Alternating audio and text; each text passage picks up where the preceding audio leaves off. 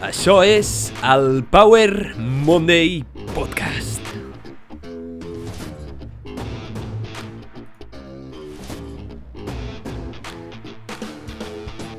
Benvinguts al Power Monday Podcast. Soc en Pau, el teu apassionat de fitness, inspiració i ciència. I en aquest podcast, cada setmana et porto un missatge, personatge, concepte o eina poderosa per ajudar-te a descobrir com desbloquejar la grandesa que tens dins teu i viure millor gràcies a la ciència, l'exploració i el coneixement. Estic molt agraït perquè m'acompanyis avui i espero que aprenguis molt d'aquest episodi. Som-hi!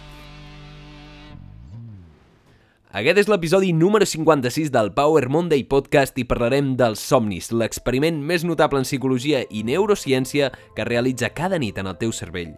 Avui aprendràs com somiem, per què somiem, què diu la ciència sobre somiar, per què serveix, i si quedes fins al final t'explicaré com poder tenir un somni lúcid i viure millor gràcies a això. Els somnis ens demostren que el nostre cervell, desconnectat de l'ambient, pot arribar a generar per si mateix un món sencer d'experiències conscients, un món completament diferent. I és que, per alguns, quan estem dormint, és com viure dues vides, és com una vida completament separada, la vida que estàs despert i la vida en la que somies. Pensa que quan vas a dormir passes d'un estat conscient a un estat completament inconscient, en el que no tens control del teu cos, però el teu cervell segueix completament actiu i fent les seves funcions. El teu cos no es mor. Per tant, et passes un terç de la teva vida dormint, un terç completament inconscient, però el teu cervell no s'apaga. I és que no suprimeix de tot l'activitat cerebral, però sí que podem veure com es suprimeix la ment. Estàs desconnectat de l'ambient i a no ser que un estímul t'activi, no et despertaràs. I tot i que els somnis ens han fascinat des de l'origen dels temps i Aristòtil ja en parlava, el seu estudi científic rigorós és més aviat recent. De fet, Sigmund Freud, que va ser un dels grans estudiadors del somni l'any 1900 en el seu llibre La interpretació dels somnis, va dir, va preveure que en un futur una investigació més profunda un dia traçarà el camí més enllà i descobrirà una base orgànica, és una base fisiològica funcional per a aquest esdeveniment mental que és somiar. I això parlarem avui. I és que els estudis recents dels que parlarem avui ens permeten complir completament la predicció de Freud. De Freud. Hòstia, vaja com es diu. Sigmund Freud. Doncs Sigmund Freud complim la seva previsió, la seva pràcticament eh, premonició, somni premonitori, per molts motius, però fonamentalment gràcies a la tecnologia de ressonància magnètica funcional i altres eines de radiodiagnòstic com el PET. I és que l'estudi dels somnis és una feina formidable, és èpica, perquè la consciència dels somnis només és accessible mitjançant un informe de la persona que ho ha somiat, de la seva explicació, en comptes de l'observació directa. Per tant, els somnis no es poden estudiar molt directament fins fa poc, amb les eines de ressonància magnètica i un estudi molt fascinant que parlaré en quan parlem de somnis lúcids. Per tant, és difícil preveure el contingut dels somnis específics i la majoria de la investigació moderna dels somnis intenta relacionar l'activitat neuronal de manera retrospectiva amb la forma dels somnis en lloc del contingut de somnis. És a dir, es centra primer en les propietats dels somnis en lloc d'investigar quines activitats neuronals té. Llavors, Potser ets dels que diu que no somia, o que somia molt poc. La realitat és que sabem que tots somiem i passem molts, molts somnis per alts. I això ho han demostrat estudis sistemàtics en els que es desperta una persona en un laboratori i li preguntem i qüestionem i analitzem amb diferents eines um, si ha somiat. Per tant, els estudis demostren que infravalorem moltíssim la quantitat de temps que passem somiant. I és que abans es pensava que només somiàvem en la fase REM, en aquesta fase on processes molta informació i hi ha molta activitat cerebral i es creia que no somiava en la fase no REM. Però recents estudis han demostrat que la fase no REM també es somien i això també ho pots desmentir tu perquè segur que has tingut alguna bancaina o alguna siesta a mitja hora en la que no pots arribar ni que vulguis a una fase REM i tot i així has arribat a somiar. Per tant, fins ara, el que vull que quedi clar és que la fase REM no s'associa directament amb somiar, però sí que la fase REM és la millor fase per estudiar els somnis, perquè és la que té més activitat cerebral. Per tant, aquestes tècniques, aquestes eines com la ressonància magnètica funcional ens permeten detectar més fàcilment. Per això, està tendit a fer una sobresimplificació i dir que només somiem en la fase REM, però en realitat somies molt més temps del que penses. Llavors, quan comencem a somiar? Quan comencem a somiar és una bona pregunta. I és que no somiem des de que naixem, no somiem des del principi, i els estudis veuen que només un 20% dels nens per sota de 7 anys indiquen que somien. En canvi, el 80-90% dels adults reporta somiar bastant sovint. Els somnis, quan són petits, són més aviat plans, amb molt poques interaccions, poca vinculació emocional, i és a partir de 7 anys, més o menys, que l'activitat i la qualitat dels somnis augmenta exponencialment. Per què és important quan comencem a somiar? Per què és important saber-ho? Doncs bé, això ens demostra que els somnis es desenvolupen a mesura que es desenvolupa el cervell. Per tant, hi ha alguna àrea, alguna habilitat que es desenvolupa i que ens permet somiar. Quina és aquesta habilitat? Doncs són les habilitats visuoespacials, les habilitats de visualitzar i relacionar imatges el que ens permet somiar, bàsicament. I això com ho sabem? Doncs ho sabem perquè a partir dels 5-7 anys els nens comencen a somiar i els que desenvolupen abans el somni tenen unes millors capacitats de visualització i de relació d'imatges que no pas unes millors capacitats verbals o de memòria. En la mateixa línia, les persones que es queden cegues després dels 5-7 anys semblen tenir una imaginació visual i somiar amb imatges visuals al llarg de la vida, mentre que quedar-te cec abans dels 5 anys normalment es sol traduir en l'absència de somnis amb elevat contingut de visualització o una absència completa, tot i que els somnis amb sex encara són una mica motiu de debat. Per tant, la capacitat de somiar sembla ser degut a un desenvolupament cognitiu gradual que està estretament lligat amb el desenvolupament de la imaginació visual. I quan parlem de somnis lúcids, veuràs que és realment molt important perquè exercicis de visualització i estimular l'habilitat de visualitzar et pot permetre tenir millors somnis i més somnis lúcids. Llavors, com sabem on es genera el somni o quines àrees són les responsables dins del nostre cervell de generar aquest món tan increïble? Doncs estudis de dany cerebral ens demostren que aquells pacients que tenen danyada l'àrea 40 de Brodmann, que és una àrea que tens per sobre l'orella, quan està danyat, perden la capacitat de somiar. Així que protegeix-te aquesta zona que tens aquí al lateral, a sobre l'orella, perquè si no perdràs la capacitat de somiar si te la danyen. Espero que això no passi. Els estudis de dany cerebral suggereixen definitivament que tant una lesió bilateral com unilateral et pot causar l'impediment de somiar, tot i que la teva funció cerebral estigui correcta i que puguis seguir dormint. És a dir, tot i que estan molt relacionats, la fase REM i somiar no són mútuament exclusius. Pots tenir una zona danyada i seguir podent dormir, i també pots tenir la REM alterada i seguir podent somiar. Val, i per què t'hauria d'importar? Doncs bé, els somnis poden impactar la teva personalitat, perquè els somnis també reflecteixen els nostres interessos i la nostra personalitat, igual que l'activitat mental durant la vigília.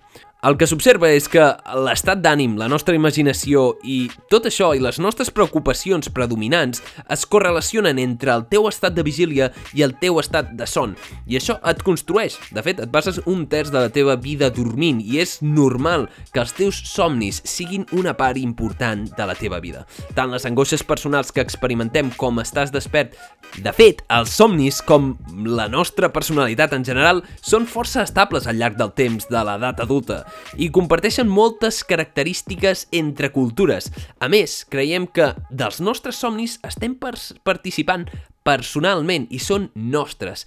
Els somnis també construeixen la teva personalitat i com enfoques molts problemes en aquest món. Vale, vale, sobrecàrrega d'informació. Primer, anem a lligar una mica conceptes. Hem dit que els somnis es desenvolupen entre els 5-7 anys, que es deuen més a les habilitats visualització que no pas de la memòria que construeixen la teva personalitat i que està situat sobretot a l'àrea 40 de Brodmann. Aquests són els conceptes importants. Llavors, el somni i la realitat construeix dues consciències, dos estats de consciència completament diferents. I per entendre l'estat dels somnis és útil considerar les similaritats i diferències entre aquests dos estats de consciència que construeixen la teva vida. Primer anem a veure la similaritat número 1. I és que els somnis són molt, molt iguals. Poden arribar a ser molt iguals a la realitat conscient, fins al punt que pots arribar a perdre't en el somni i no distingir l'un de l'altre. I és que els somnis també poden ser molt visuals, a tot color, amb moltes formes i poden i els somnis poden també incorporar sons, olors, rostres, persones i gustos, així com plaer i també dolor. Això que et diuen de que si et pessigues no et fa mal no té per què ser necessàriament cert. Pots experimentar dolor, perquè el cervell està creant aquesta experiència dins seu. I de fet, el dolor és simplement una expressió del cervell. Per tant, tot i que els dos mons poden arribar a ser molt diferents, poden ser molt iguals. I ara anem a veure les diferències. La diferència més, més evident en el món dels somnis és la disminució del control voluntari, la capacitat que tens tu de decidir què fas, de marcar objectius i de saber on anar. Però hi ha gent excepcional que sí que pot. I són els somnis lúcids, dels quals et parlaré més endavant. I deixa'm que et doni una pista, tu també pots somiar lúcid. Llavors, la següent diferència entre la realitat i els somnis és que sol haver una incertesa d'espai i del temps. Les persones també no solen tenir el rostre ben definit. Hi ha algunes coses que no quallen perquè la teva percepció està alterada de fet, els estudis de neuroimatge ens permeten veure que hi ha unes àrees del cervell, l'àrea destinada a la percepció i al pensament reflexiu, que estan desactivades del tot i que en algun casos, probablement en el somni lúcid, pot estar conservada. A més a més, això demostra que els somnis individuals són molt variables i que cadascú somia d'una manera completament diferent. En tercer lloc, a diferència del món dels somnis i la realitat, és que existeix molta emocionalitat en els somnis i alguns somnis tenen una quantitat exagerada d'emocions, que solen ser por, ràbia, sorpresa, ira, ansietat o alegria. Però d'alguna manera, interessant, interessantment, la tristesa, la culpa i els estats depressius són molt, molt poc comuns en els somnis. I això és probable que es degui a una desactivació de la reflexió personal, és a dir, és curiós com la supressió de la ment i la reflexió personal pot arribar a desactivar estats depressius. Hi ha gent que a la vida real és depressiva i no en els somnis. I per últim, tenim una diferència molt clara, i és la memòria. I és que la memòria en els teus somnis està dràsticament modificada a no ser que siguis un lúcid. I dins del somni costa molt recordar coses. De fet, no te'n recordes d'on vens ni on vas molt sovint. I parlant de memòria, quan despertem, ràpidament perdem la memòria dels somnis. Ja no ens en recordem, a no ser que ho escriguis molt ràpidament o ho expliques a algú. I és això, no sap ben bé per què passa. Perquè, en realitat, hauríem de ser capaços de retenir aquesta informació. I aquest fet es coneix com amnèsia de somnis. Llavors, ara, els somnis no se sap ben bé moltes coses. És un món super complicat i supercomplex dins de la neuropsicologia i la neurociència. Però existeixen tres teories principals. Existeixen tres models que ens serveixen per interpretar el món dels somnis. Ok, similaritats i diferències enteses, però hi ha coses que no entenem encara. Per què? Com passa? Moltes coses no estan clares i és que el món de la neuropsicologia i la neurociència troba aquesta caixa negra, aquesta cosa que és tan difícil d'interpretar, que és el món dels somnis. I per això existeixen teories i models que ens serveixen per explicar més o menys com pot funcionar el món dels somnis. I ara t'explicaré aquests tres models, tu queda't amb el que t'agradi més, però te'ls explicaré perquè et serveixen per veure com es construeix el món dels somnis. En primer lloc tenim el model psicodinàmic de Sigmund Freud, que diu que els somnis representen el compliment de desitjos inconscients relacionats amb impulsos egoistes, d'aquesta cosa que anem suprimint, i és que el contingut conscient suprimeix a l'inconscient i el dissimula mitjançant una censura que s'expressa quan somiem. És a dir, quan somiem expressem les nostres frustracions i somiem amb, amb tot això. Però aquest model explica també altres coses, com que el sistema es basa en models dopaminèrgics, és a dir, d'interessos de satisfacció a curt termini. Val. El segon model que tenim és el d'activació, entrada i modulació del senyor Hobson. Ell ens diu que el nostre estat conscient està determinat per tres factors. L'activació, que és els nivells d'activitat cerebral total i regional. Després tenim l'entrada, que és l'activació generada internament o externament, és a dir, la informació que ens entra, i després tenim la modulació, que és la proporció de neuromoduladors aminèrgics i colinèrgics. Val? Aquest model ens explica que el son i els somnis REM es caracteritzen per alts nivells d'activació d'entrada i modulació colinèrgica. Una mica complex tot plegat.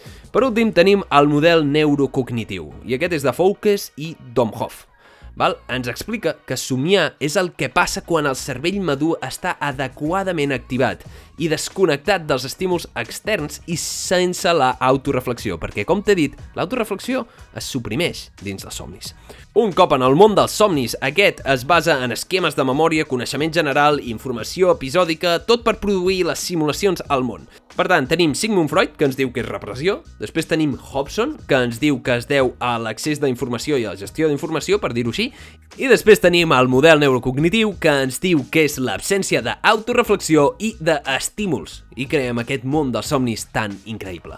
Llavors, cada model té les seves explicacions diferents per les diferents característiques del món dels somnis. Per exemple, per l'amnèsia del son, uh, Sigmund Freud ens diu que els somnis es basen en desitjos inconscient i que no podem recordar conscientment perquè estan reprimits un cop ens despertem.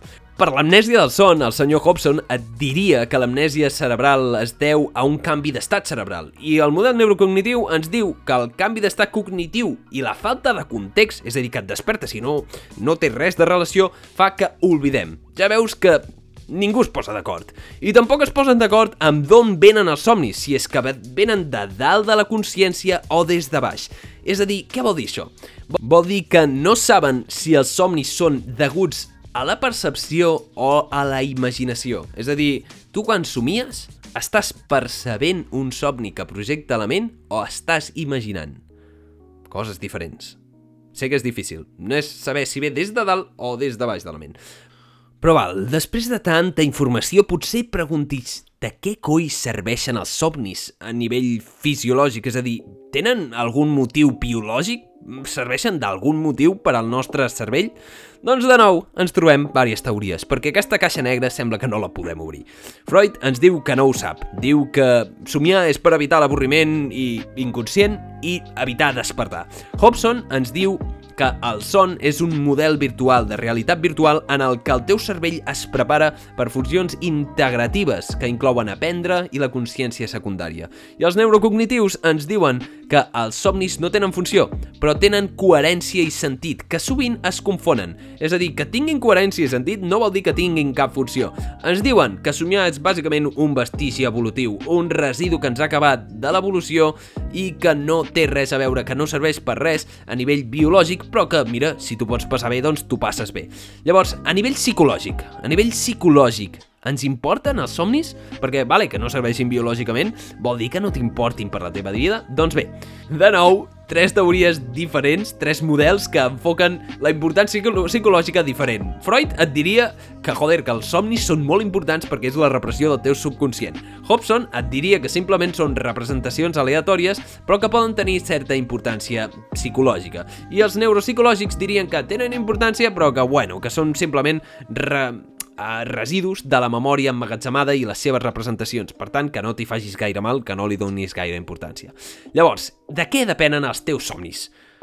Novament, tinc males notícies, hi ha moltes teories, però els estudis ens demostren que el 50% dels somnis tenen residus de l'experiència del mateix dia, però en general el contingut és molt aleatori, és a dir, que no segueixen un patró concret en el cas de veure un objecte o veure una cosa, és a dir, induir somnis amb el que experimentes en aquell mateix dia no està gaire relacionat.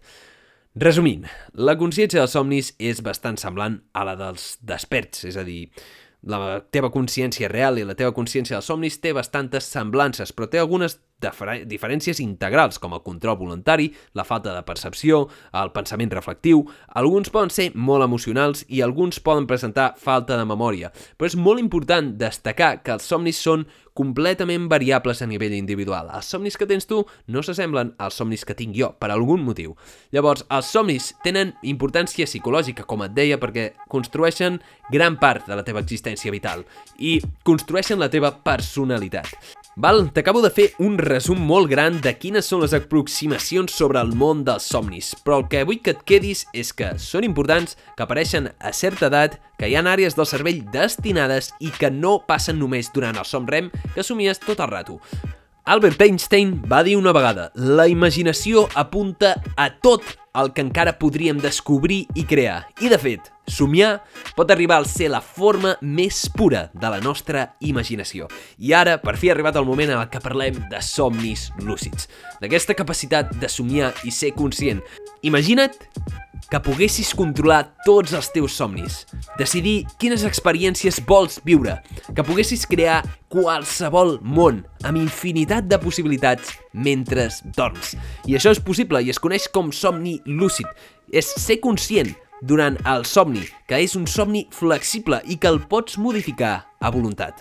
Durant un temps es va creure que somnis lúcids eren una trola, que eren mentida, que no eren reals, però recentment es van fer estudis en els que els subjectes d'estudi es comunicaven amb senyals específiques mentre dormien. Aquest estudi és fascinant perquè va demostrar d'una vegada per totes que tenim la capacitat de tenir somnis lúcids, és a dir, ser conscients mentre dormim i crear el nostre món. Com ho van fer? Van agafar subjectes que deien que tenien somnis lúcids i van crear una senyal específica per comunicar-se mentre dormien. Aquesta senyal era la de moure els ulls amb un patró concret. I, increïblement, hi ha persones que es podien comunicar amb l'exterior, amb les persones de l'exterior mentre somiaven perquè veien com les àrees cerebrals s'activaven i alhora movien els ulls, és a dir, enviaven senyals específiques mentre dormien. Increïble. A més a més, hi ha estudis recents que han observat que els somnis lúcids poden tenir una aplicació bastant important en la psicologia. Per exemple, per estrès posttraumàtic, per ansietat i per fòbies s'ha observat una possible aplicació de la oniroteràpia, que és la teràpia del son, i la visualització en somnis lúcids, perquè et permeten arribar en aquest estat més profund de cobsència, et permeten explorar i experimentar parts de la ment que no has viscut. Et poden aportar una diferent perspectiva i veure més creativitat en el teu món. Llavors, els somnis lúcids no els experimenta tothom i no els ha experimentat tothom i certament hi ha graus de lucidesa, però la bona notícia és que ho pots entrenar. De fet, es diu que el 20-30% de la població tenim somnis lúcids un cop al mes, més o menys, i que màximament conscients, és a dir, els superlúcids que té alguna gent només arribaria al 1%, que serien aquests somiadors lúcids naturals. És a dir, que si ets d'aquest 1% et pots considerar molt afortunat. Llavors, el somni lúcid es presenta com un estat híbrid de consciència, és a dir, un estat en el que estàs entre despert i dormint. Saps que abans et deia que hi havia una àrea, l'àrea de l'autoreflexió, que suprimien els somnis? Doncs en aquells que tenen somnis lúcids, aquesta àrea no es suprimeix del tot i tens la capacitat de crear a voluntat mons diversos i explorar la teva consciència, teletransportar-te, tenir superpoders, volar, veure persones, entrenar habilitats físiques i després portar-les a la vida real i que això et serveixi, perquè tot, com saps, està en el cervell. Els somnis lúcids estan registrats pels filòsofs com Aristòtil des de fa milers d'anys. Però com et deia, no va ser fins al 1975 que es van demostrar com un fet amb aquest gran estudi. Llavors, grans personatges de la història com Tesla o Einstein han escrit en els seus diaris i tenen reports d'haver tingut una elevada capacitat de visualització i somnis lúcids i asseguren que això és una de les parts del seu èxit, perquè bàsicament tenien un laboratori virtual en el seu cervell. Nikola Tesla, en un diari, escrivia com el somni lúcid li va permetre inventar noves coses. Carl Jung, el filòsof, Stephen King, l'autor, també han escrit moltes vegades que els somnis lúcids l'han permès viure en un món de possibilitats increïble, explorar la seva ment i viure millor gràcies a això. Llavors, ara, potser et preguntis, Pau, jo no somio lúcid gaire sovint. Puc aprendre a somiar lúcid? La veritat és que sí, i la ciència ens ha ensenyat que sí. Pots aprendre a tenir somnis lúcids. Potser no tan bo com els somiadors lúcids natural, aquell 1%, eh, potser no tant, però creu-me que pots arribar a somiar més. És a dir, aquest terç de la teva vida que donaves per perdut mentre dormies, que són, si vius 90 anys, 30 anys te'ls passes dormint, no són del tot perduts perquè pots arribar a somiar i experimentar aquesta experiència increïble que és somiar. Llavors, tinc unes tècniques per tu que et poden permetre assolir somnis lúcids de manera molt més regular. En primer lloc, tenim apuntar els somnis al despertar. És a dir, quan et despertis, apunta en un diari, just al despertar, quin somni has tingut, amb el màxim de detalls possibles. Això crearà una atenció als somnis i et permetrà recordar més fàcilment els somnis, disminuirà l'amnèsia del son i tindràs més somnis lúcids, és a dir, tindràs la capacitat de controlar els teus somnis. També ho pots fer amb un àudio, et graves en un mòbil o, o on sigui, et graves quin somni has tingut. Explica'l al màxim ràpid possible perquè si no se t'oblidarà, és matemàtic. Llavors, el segon consell que tinc per tu és que et preguntis constantment si estàs somiant o no. Pregunta't, és això real? Perquè si t'acostumes a qüestionar-te la realitat, quan estigues en un somni, arribarà un moment que diràs «Eh, això no té sentit, això no és real, és això real?» I veuràs que estàs en un somni i en aquell moment en el que aportis de la lucidesa tindràs la capacitat de modificar a voluntat el món dels somnis, tot i que hi han diferents capacitats. Llavors, el que et recomano és que facis reality checks, és a dir, que vagis comprovant si això és real. Com ho pots fer? Doncs, per exemple, mirant la hora o com feien en la pel·lícula Origen, tenir una mena de talismà, una mena d'objecte que sempre portis dins teu que el puguis observar per veure si és real o no. Mirar la hora normalment sol funcionar bastant bé, també serveix llegir un llibre perquè les lletres es veuen difuminades, no es projecta un missatge molt clar, o per exemple recorda't mirar a un mirall. Això hi ha diferents persones que creen rutines per saber si estan desperts o dormint, és a dir, un conjunt de passos que et permet distingir la realitat del somni.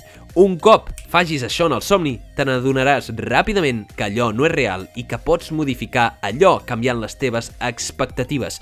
Perquè potser t'ha passat alguna vegada que t'has adonat que estàs somiant, però no podies controlar-lo del tot. Això també s'entrena i depèn de les teves expectatives del somni, perquè forçar el somni és més aviat complicat. Simplement has de tenir unes expectatives de saber què passarà. Per últim, l'última tècnica que et pot permetre somiar lúcidament de manera més sovint és fer una meditació pre-somni fer una meditació, una tècnica de visualització abans d'anar a dormir i utilitzar el mantra o algun mantra de tindré somnis i els recordaré. És a dir, medita, visualitza en què vols somiar abans d'anar a dormir i quan somis intenta recordar aquest mantra de tindré somnis i els recordaré. Somiar i tenir somnis lúcids et pot permetre entrar en aquests estats profuns de canvi i de reflexió i sobretot passar-t'ho increïblement bé, viure qualsevol experiència que se t'imagini. Perquè l'únic límit que tens és la teva imaginació. I com sempre tinc una pregunta per tu. Creus que això és la realitat? Creus que estàs despert o estàs somiant? I l'altra pregunta que tinc per tu és, somies sovint, tens somnis lúcids? Digue-m'ho, envia'm un comentari, explica'm els teus somnis. Em fascina aquest món d'infinitats i noves possibilitats que no tenen res a veure amb el teu estat conscient, amb la teva vida com real, podríem dir. I a més a més, el meu millor amic té la capacitat de tenir somnis lúcids cada dia, i això em fascina i em genera molta enveja perquè jo no puc. Tot depèn de la teva imaginació, i això és tot per aquest episodi. Moltíssimes gràcies per haver escoltat aquest episodi. Espero que t'hagi aportat una mica de valor o hagis après alguna cosa. Recorda, si t'ha agradat, si us plau, envia-ho als teus companys, amics i envia'm algun comentari a Power Monday Show. Recorda que em pots seguir a Spotify, em pots seguir també a Google Podcast i a moltes altres plataformes de podcast. Em pots trobar Power Monday Show a Instagram on segueixo pujant contingut constantment i diàriament i també a TikTok, a Pau Banlu. Em pots trobar allà també. Aquest episodi anava cargadíssim d'informació, ben ben cargat d'informació, amb les tres diferents teories sobre l'aproximació en aquesta caixa negra que tenim al nostre cervell i el món dels somnis, les dues consciències que tens que construeixen la teva vida. Un terç de la vida dormint, dos terços despert, dos terços conscient, un terç en un món que sembla inconscient, però que pots controlar. Depèn de tu interpretar quina teoria o model et defineix millor o creus que és més cert però el que sí que està clar és que la teva capacitat de somiar depèn de tu, es desenvolupa a mesura que creixes, comença entre els 5-7 anys, tens una àrea al cervell associada a la capacitat de visualitzar imatges, que és la que més es relaciona, que pots entrenar i et pot permetre viure somnis lúcids i viure una vida increïble en el món dels somnis. Em fascina, la veritat, és èpic, és increïble, és llegendari. I si vols tenir somnis lúcids, el millor de tot és que ho pots aprendre. Una habilitat que pots aprendre apuntant els somnis al despertar, preguntant-te constantment si això és real o tenint un amulet que et serveixi per qüestionar si això és real o no. Espero que t'hagi agradat aquest episodi tant com m'ha agradat a mi fer-lo. I et desitjo, com sempre, una setmana èpica, que visquis la vida dels teus somnis i ens veiem en el pròxim episodi. Ciao!